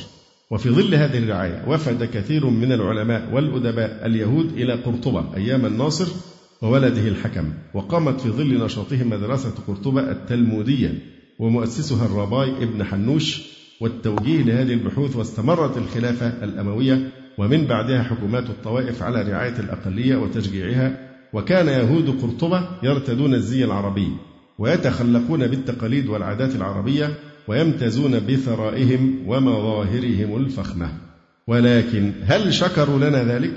بالعكس ما كادت كفة العرب تشل في الأندلس حتى انقلب اليهود عليهم. وأصبحوا عملاء لملوك قشتالة وليون وأكناد قطلونية وملوك أرغون. وبلغ من إصرارهم على عداوة العرب يعني شوف اليهود كيف قابلوا إحسان المسلمين إليهم في الأندلس.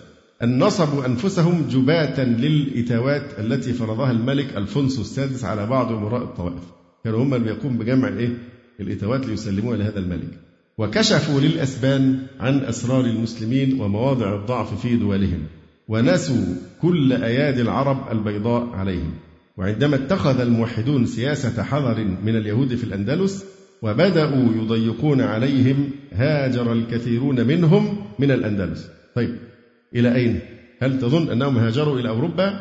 لا لكن هاجروا إلى بلاد عربية أخرى إلى بلاد المغرب ومصر والشام لأن أوروبا ما كانت لترحب بهم أبدا.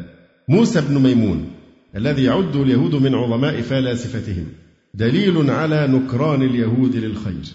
هاجر إلى مصر ولقي فيها إكراما كبيرا حتى أصبح في عداد أطباء الناصر صلاح الدين. ولكنه كان في السر يكتب رسائل سباب للعرب إلى صديق له في الفيوم ومتوفر عند البعض جوانب من هذه الرسائل.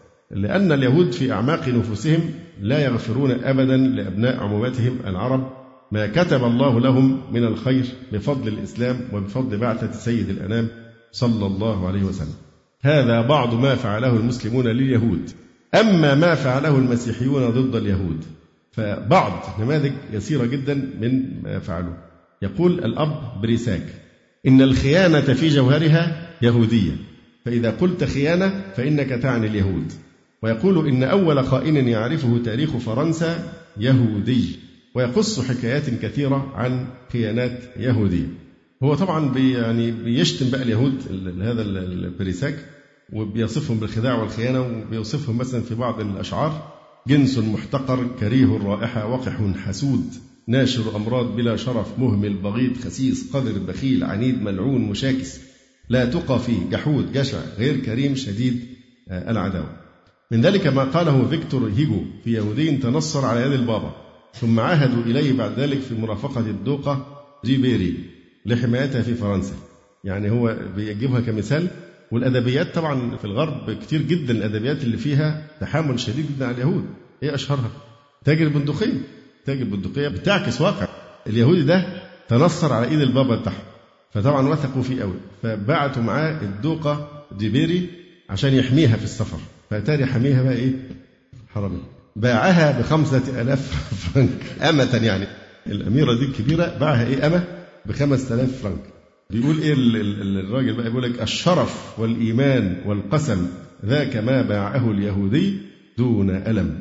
وفي تولوز في فرنسا كانت العادة أن يستدعى رئيس اليهود إلى بيت الحاكم يوم أحد الفصح ليه يستدعيه حيث يتلقى أمام الناس. صفعة عنيفة انتقاما للمسيح.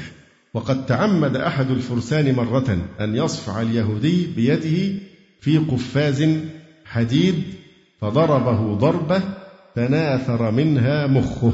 في روما كانوا يرغمون اليهود على الرقص عرايا في مهرجان الفصح أمام الناس أجمعين. والسياط تلهب ظهورهم إذا تراخوا في الرقص. وكان أحد البابوات يأمر بوضعهم في براميل تبرز من جدرانها المسامير تدحرج من أعلى تل تستشيانو. تل معين يعني. يدحرجوه وفي مسامير في البرميل من إيه الأربع من الجهات كلها. ويضع اليهودي داخله ويعني وفي أسبانيا والبرتغال كانوا يحرقون أحياء بالمئات. وآخر يهودي أحرق في أسبانيا كان سنة 1825 في جنوة كانوا يحبسون في أقفاص حديدية ويحرمون الطعام والماء إلى أن يقبلوا الصليب. وقد مات الكثيرون منهم دون أن يقبلوا أو يقبلوا الصليب. الفيلسوف الفرنسي بوسوي يقول لليهود أيها الشعب الملعون هذا الدم سيتعقبكم إلى آخر وليد لكم. وما قاله البابا بولس الرابع من أنهم شعب خلق للاستعباد وأنهم شعب في غاية السخف وهو الذي أمر أن يحبس يهود روما في حواريهم اللي هو الجيتو هو اللي أنشأ مبدأ الجيتو الروماني. في عيد أحد السعف في مدينة بيزييه في جنوبي فرنسا. كان الجمهور يتسلى بمطاردة اليهود ورميهم بالأحجار زاعمين أنهم بذلك ينتقمون منهم لما اقترفوه في حق المسيح عليه السلام. ده الملف بتاع مذابح نصرانية لليهود. طيب هم بقى عملوا إيه مع بعض؟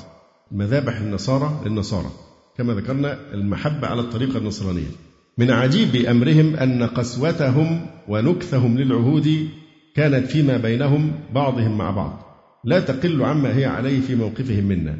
فهم القساة الغلاظ الأكباد في كل بلد يغلبونه شرقيا كان أو غربيا. وهم القساة الغلاظ الأكباد مع كل ضعيف يهزمونه مسلما كان أو نصرانيا. هنا بقى القس أودو ألدويلي أحد رهبان القديس دينيس. كان يشغل وظيفة قسيس خاص للويس السابع وصحبه في الحملة الصليبية الثانية بيحكي عن عن إيه؟ بعض المشاهدات. فدي حاجة بينهم وبين بعضهم. يعني هم كانوا رايحين علشان في إحدى حملات الحروب الصليبية. بيقول إيه بقى؟ بيقول بينما كان الصليبيون يحاولون شق طريقهم برا عن طريق آسيا الصغرى إلى بيت المقدس منوا بهزيمة فادحة على أيدي الترك في ممرات فريجيا الجبلية سنة 1148 وبلغوا مدينة أطاليا الساحلية بشق الأنفس. وهنا تمكن جميع الذين استطاعوا أن يرضوا المطالب الفادحة التي كان يفرضها عليهم تجار الإغريق من الإبحار إلى أنطاكية بينما خلفوا وراءهم المرضى والجرحى وعامة الحجاج تحت رحمة الخونة من حلفائهم الإغريق الذين أخذوا مبلغ 500 مارك من لويس على شريطة أن يمدوا الحجيج بقوة من الحرس وأن يعنوا بالمرضى حتى يصبحوا من القوة بحيث يمكن إرسالهم ليلحقوا بسائر زملائهم. ولكن لم يكد الجيش يغادر المكان حتى أخبر الإغريق الترك بموقف الحجيج الأعزل. يعني الناس اللي هم منهم متحالفين معهم والملك بتاعهم معطيهم مبالغ عشان يصرفوا منها على المرضى وكده عشان يكملوا ويروحوا لم يكد الجيش يغادر المكان حتى أخبر الإغريق اللي هم اليونان الترك بموقف الحجيج الأعزل. وراقبوا في صمت ما أصاب هؤلاء التعساء من المجاعة والمرض وسهام العدو. التي جرت عليهم الدمار والخراب وهم في طريقهم إلى معسكرهم. وحاولت جماعة تبلغ ثلاثة ألاف أو أربعة ألاف أن تلوذ بالفرار بدافع من اليأس. ولكن الترك الذين كانوا قد بلغوا المعسكر وهجموا عليه ليتابعوا انتصارهم أحدقوا بهم ومزقوهم شر ممزق. وكاد يكون موقف من نجا من الموت منهم قد بلغ حد اليأس. لولا أن منظر شقائهم أذاب قلوب المسلمين. من شدة التعاسة التي كانوا فيها بعدما غدر بهم إخوانهم من ملتهم فمن شدة التعاسة والشقاء الذي كانوا فيه ذابت قلوب المسلمين واستدر ذلك شفقتهم. ماذا فعل المسلمون مع هذا الجيش المعادي الذي أنهك هذا الإنهاك؟ واسوا المرضى وأغاثوا الفقير والجائع الذي أشرف على هلاك. خلي بالكم ده الأسيس اللي بيحكي. قاعد جواب بيحكي الحادثة. فواسوا المسلمون فواسوا المرضى وأغاثوا الفقير والجائع الذي أشرف على هلاك. وبذلوا لهم العطاء في كرم وسخاء. بل لقد اشترى بعضهم النقود الفرنسية التي ابتزها الإغريق من الحجاج بالقوة أو الخداع ووزعوها بسخاء بين المعوزين منهم. فكان البون شاسعا بين المعاملة الرحيمة التي لقيها الحجاج من الكفار. يقصد مين الكفار؟ يقصد بهم المسلمين؟ فكان البون شاسعا بين المعاملة الرحيمة التي لقيها الحجاج من الكفار يعني المسلمين وبين ما عانوه من قسوة إخوانهم المسيحيين من الإغريق الذين فرضوا عليهم السخرة وضربوهم وابتزوا منهم ما ترك لهم من متاع قليل. حتى إن كثيرا منهم دخلوا في دين منقذيهم بمحض إرادتهم. وكما يقول المؤرخ القديم لقد جفوا إخوانهم في الدين الذين كانوا قساة عليهم ووجدوا الأمان بين الكفار. يقصد المسلمين الذين كانوا رحماء عليهم. ولقد بلغنا ده بيكتب التقرير الأسيس بيقول ولقد بلغنا أن ما يربو على ثلاثة آلاف قد انضموا بعد أن تقهقروا إلى صفوف الأتراك. دخلوا الإسلام. ثلاثة آلاف من هؤلاء. آه إنها لرحمة أقسى من الغدر.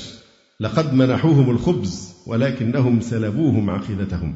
ولو أن من المؤكد أنهم لم يكرهوا أحدا من بينهم على نبذ دينه وإنما اكتفوا بما قدموا لهم من مساعدة ومن رحمة افتقدوها عند إخوانهم في العقيدة. موقف من يعني المواقف. في بقى حاجة بيسموها التبشير بالإبادة. فرغم رسالة المحبة التي يدعيها النصارى إلا أنهم ارتكبوا مذابح راح ضحيتها الآلاف بل الملايين لإجبارهم على اعتناق يعني النصرانية. وسبق أن ذكرنا ما حصل في عهد الإمبراطور شارلمان الذي كان مبدأه نشر الإنجيل بالسيف وعهد فرسان التوتونك كما سيتبين. في كتاب اسمه يعني تاريخ النصرانية لواحد اسمه جون ماكينان روبرتسون وكتاب March of the Titans الذي يسرد تاريخ الإنسان إلى الحرب العالمية الثانية. بيقول إن الإمبراطور الروماني قسطنطين رأى رؤيا في أثناء صراعه على السلطة مؤداها أنه رأى صليبا في السماء كتب فوقه باللاتينية ما معناه بهذا الرمز سيكون لك النصر. طبعا الشيطان جاب له الرؤية دي. هو طبعا دخل في النصرانية ففسر الرؤيا بأنه النصر سيكون حليفه إذا اعتنق النصرانية. فاعتبرها ديانة رسمية وأصدر تشريع ميلانو سنة 312 أصبح هو نفسه كبير الكهنة. ثم تم تقنين الدين المسيحي وأوقف الاضطهاد الذي كان يمارس ضد المسيحيين. أتى بعده الإمبراطور جوليان الذي ارتد عن المسيحية وأعاد الديانة الوثنية الرومانية لتصبح الدين الرسمي للإمبراطورية. المهم يعني إيه؟ بدأ انتشار المسيحية في بعض دول شمال أوروبا التي غزتها الإمبراطورية الرومانية. طبعا حصل مواجهة بين أريوس إسكندراني معروف وبين آه، روما حول مبدأ الثالوث وعملوا مجمع نقية وانتهى بالتبرؤ من دعوة أريوس هو كله كلام يعني إيه تاريخي شوية مش عايزين نفصل فيه لكن باختصار نشأت دولة الفرنجة جاء بعد كده كلوفيس وجاء الملك شارلمان ليبدأ حقبة دموية لنشر المسيحية في ألمانيا عن طريق سن تشريعات صارمة تنص على عقوبة الموت لمن يمارس طقوسا دينية وثانية مثل حرق جثث الموتى وخلافه. قام الملك شارلمان بحملة إبادة دامت 32 سنة أسماها المؤرخون Genocidal Evangelism البشارة بالإبادة. يعني نشر المسيحية عن طريق حرب الإبادة. تقتل يا إما تتنصر. في بقى هنا طبعا محطة مهمة قوي اللي هي فرسان التوتونك. تكون نظام فرسان التوتونك أثناء الحروب الصليبية سنة 1190 بعد الميلاد في فلسطين من بعض النبلاء الألمان واشتهروا بالشدة في القتال أثناء حصار عكا من قبل المسلمين. حيث وكل إليهم الدفاع عن مستشفى القديسة مريم. وعندما ذاع صيتهم استدعاهم ملك المجر سنة 1210 لمحاربة بعض القبائل الوثنية فيما يعرف بأوروبا الشرقية الآن. انتهز الفرسان هذه الفرصة وأبلوا بلاء حسنا في معركتهم التي انتهت بالتطهير العرقي والقضاء على كل من رفض اعتناق المسيحية ليستقروا تماما في شمال أوروبا سنة 1226 في نفس العام منح الفرسان فرصة ذهبية ليحكموا حكما إقطاعيا لما يعرف ببولندا اليوم في حال نجحوا في تنصير السكان أي تحويلهم إلى المسيحية كذلك منحهم البابا جريجوري التاسع سنة 1234 بعد الميلاد نفس الحق. في مناطق أخرى مثل دول البلطيق مما جعلهم يمارسون نشر الدين بحد السيف النصرانية حيث انتشر صيتهم كفرسان دمويين وأدى إلى تحويل معظم البلاد التي قاموا بغزوها إلى المسيحية لفداحة ثمن رفض الدعوة إلى النصرانية والذي كان الموت الزؤام. ولما انتهى الفرسان من تنصير كل المناطق انتفى سبب وجودهم وتحالفت عليهم العديد من البلدان التي قاست منهم مثل ليتوانيا وبولندا إلى أن وقعت موقعة تاننبرغ سنة 1409 لتؤذن بانتهاء عهد فرسان التوتونك الدموي.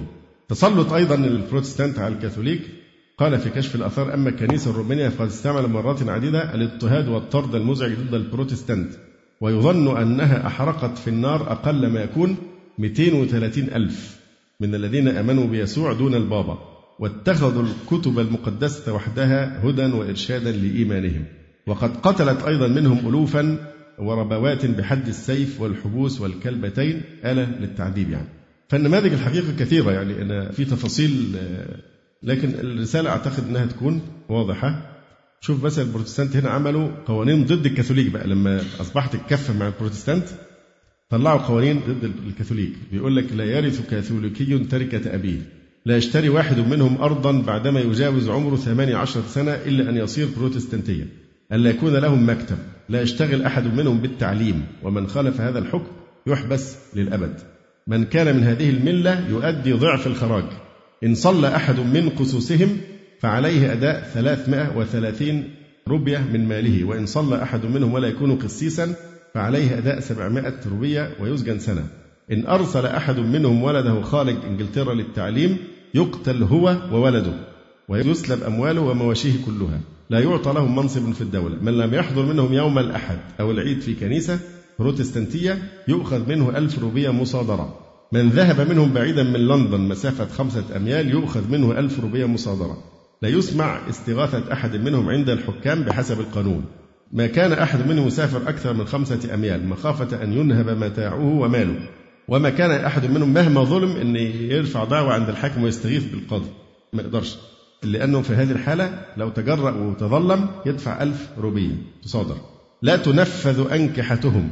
ولا تجهز موتاهم ولا تكفن موتاهم ولا يعمد أولادهم إلا إذا كانت هذه الأمور على طريقة كنيسة إنجلترا. إن تزوجت إحدى نساء هذه الملة تأخذ الدولة من جهازها ثلثين ولا ترث من تركة زوجها ولا يوصي زوجها لها من تركته بشيء. ونساؤهم كن يحبسن إلى أن يدفع يعني أزواجهن عشر روبيات في كل شهر أو يعطوا ثلث أراضيهم إلى الدولة. ثم صدر الحكم في نهاية الأمر إن لم يصل كلهم بروتستانت يسجنون ثم يجلون من أوطانهم مدة حياتهم وإن رفضوا الحكم أو رجعوا من الجلاء بدون الأمر كانوا ملزمين بإلزام عظيم. لا يحضر القسيس عند قتلهم ولا عند تجهيزهم وتكفينهم. لا يكون السلاح في بيت أحد منهم لا يركب أحد منهم على حصان يكون ثمنه أكثر من خمسين روبية. إن أدى قسيس منهم خدمة من الخدمات المتعلقة به يسجن دائما. القسيس الذي يكون مولده إنجلترا ولا يكون من ملة بروتستانت. إن أقام أكثر من ثلاثة أيام في إنجلترا يعتبر أنه غدار ويقتل. من أنزل القسيس المذكور من مكانه يقتل. لا تقبل شهادة كاثوليكي في العدالة. قتل على هذه القوانين الجائرة في عهد الملكة اليسيباط اللي هي الإليزابيث يعني. 204 أشخاص كان منهم قسيسين. إلى آخره يعني كلام الحقيقة لو نحكيه شيء عجيب جدا في في التعصب يعني. هل هؤلاء لهم وجه يطعنون في الإسلام ويقولون هو دين السيف ودين الإكراه وأكره الناس على الدخول في الإسلام؟ فالإنسان يقف شعره ويقشعر جلده حينما يقرأ هذه الصفحات السود التي تصور جانبا من المجازر البشرية والمظالم التي ارتكبها النصارى في حق اليهود والتي ارتكبها النصارى الكاثوليك في حق البروتستانت والتي رد عليهم البروتستانت بمثلها أو أشد منها حين آلت إليهم السلطة. إن هذه الصفحات المظلمة البالغة من الإسراف مبلغة في سفك الدماء لم تكتبها أقلام مسلمة بل سطرتها أقلام نصرانية تتكلم بلغة الأرقام. ومع هذا نجد من النصارى المنصرين منهم المستشرقين ومنهم المدعو بنديكت السادس عشر من يتهم المسلمين بأنهم متعصبون وأن دينهم إنما قام على السيف. حتى قال بعض أحرار الأوروبيين لم يصدق المسيح في نبوءة من نبوءاته مثل ما صدق في قوله ما جئت لألقي على الأرض سلاما بل سيفا إذ لم يعرف التاريخ عن ملة قتل أهلها بعضهم بعضا مثل ما حدث في الملة المسيحية أو عشر معشاره. ومن نظر في تاريخ النصارى في مختلف الأطوار وفي شتى الأقطار يتبين له أن فكرة إبادة المخالفين واستئصالهم فكرة أصيلة في ذهنيتهم وتربيتهم الدينية ومواريثهم. ولما ذهبوا إلى أمريكا اجتهدوا أن يستأصلوا أهلها الأصليين من الهنود الحمر واستحلوا كل أنواع القتل والإبادة حتى أبادوا الملايين منهم بأساليب وحشية لا يقرها دين ولا خلق. نفس الشيء برضو لما ذهبوا إلى أستراليا وفعلوا بسكانها الأصليين ما فعلوه. ونفس الشيء فعلوه بالمسلمين في أسبانيا الذين بقوا فيها ثمانية قرون ملؤوها خيرا ونورا أبيد الثلاثون مليونا أو بتعبير أدق لم يبقى منهم مسلم واحد في أسبانيا. إما قتلوا وأبيدوا إما أكرهوا على التنصر أو أجبروا على الرحيل. فلا عجب أن لم يبقى منهم في أسبانيا ديار ولا نافخ نار. فما أصدق هذا المثل الذي يقول رمتني بدائها وانسلت لم يعرف التاريخ إطلاقا عن المسلمين. لا إكراه لأحد على الدخول في الدين ولا هذه الوحشية التي عملوا بها مخالفيهم في العقيدة. بل حتى اليوم نحن نلاحظ آثار هذه العصبية بين النصارى في بريطانيا الكاثوليك والجيش الأيرلندي والأمور الشنيعة التي بينهم التعصب حتى اليوم. ومع ذلك ومع أحوال المسلمين لكننا نرى حتى غير المسلمين كيف يعيشون وينعمون في داخل بلاد المسلمين. يعني الأقباط هنا في مصر أنا دايما أسميهم أسعد أقلية في العالم. إحنا الأقلية. أسعد أقلية في العالم. وكل ده ومش عاجبهم. ويخرجوا أقباط المهجر يملؤون العالم سياحا. تسمع الكلام اللي بيحكوه بره في أمريكا؟ الكذابون الدجالون. إن المسلمين يخطفون بناتهم ويجبرونهم على الدخول في النصرانية هل يمكن هذا يقبل؟ هل في أحد يكره أحدا على الدخول في الإسلام؟ والله ولو أن الأمر ليس فيه القيود الموجودة لا يمكن أسلم ثلاثة أرباع الأخباط لأنه من بركة معايشتهم للمسلمين يرون تسامح الإسلام يسمعون القرآن الكريم يفهمون اللغة العربية وبالتالي يستطيعون ما دام عندهم العقل أن يقارنوا بين هذا التوحيد وذاك التثليث بين هذا التسامح وذلك التعصب بين أخلاق المسلمين وشرفهم وعفتهم ونظافتهم وبين ما هم عليه. أعتقد أن فعلا المثل ينطبق تماما على هؤلاء الجزارين السفاحين. رمتني بدائها وانسلت الأمر ليس فقط ذكرى تاريخية في الماضي. لا إحنا هننتقل بعد ذلك إلى العصر الحديث ونشوف ماذا فعل النصارى بالشعوب الإسلامية لما استعمروا بلادهم وماذا فعلوا بهم أيضا ليصرفوهم عن دينهم. دي حلقة أخرى من حلقات السيف النصراني الذي يريد القهر وإجبار الناس على الدخول في دينهم أحيانا بالجزرة وأحيانا بالإيه؟ بالعصا بل بالسيف. وبعدين كلمة سيف خلاص المفروض تتلغى. سيف إيه؟ بجانب الأسلحة النووية وبجانب المدافع والأسلحة المتقدمة جدا التي كانت تستخدم ضد المدنيين العزل أو المجاهدين الضعفاء الذين ما يملكون غير أضعف الأسباب. فإن شاء الله تعالى هذا حديث نستكمله فيما بعد. أقول قولي هذا واستغفر الله لي ولكم. سبحانك اللهم ربنا وبحمدك. أشهد أن لا إله إلا أنت. أستغفرك وأتوب إليك. جزى الله فضيلة الشيخ خير الجزاء. ونسأل الله جل وعلا أن يرفع مكانة الشيخ في المهديين. وأن يجعله علما من أعلام الهدى والدين. ولا تنسونا وتنسوا الشيخ من دعوة صادقة بظهر الغيب. وتقبلوا تحيات إخوانكم في تسجيلات السلف الصالح بالإسكندرية. هاتف رقم صفر ثلاثة فاصل أربعة تسعة أربعة سبعة ستة خمسة اثنان. والتليفون محمول صفر عشرة واحد ستة أربعة واحد تسعة ثمانية صفر. والسلام عليكم ورحمة الله وبركاته.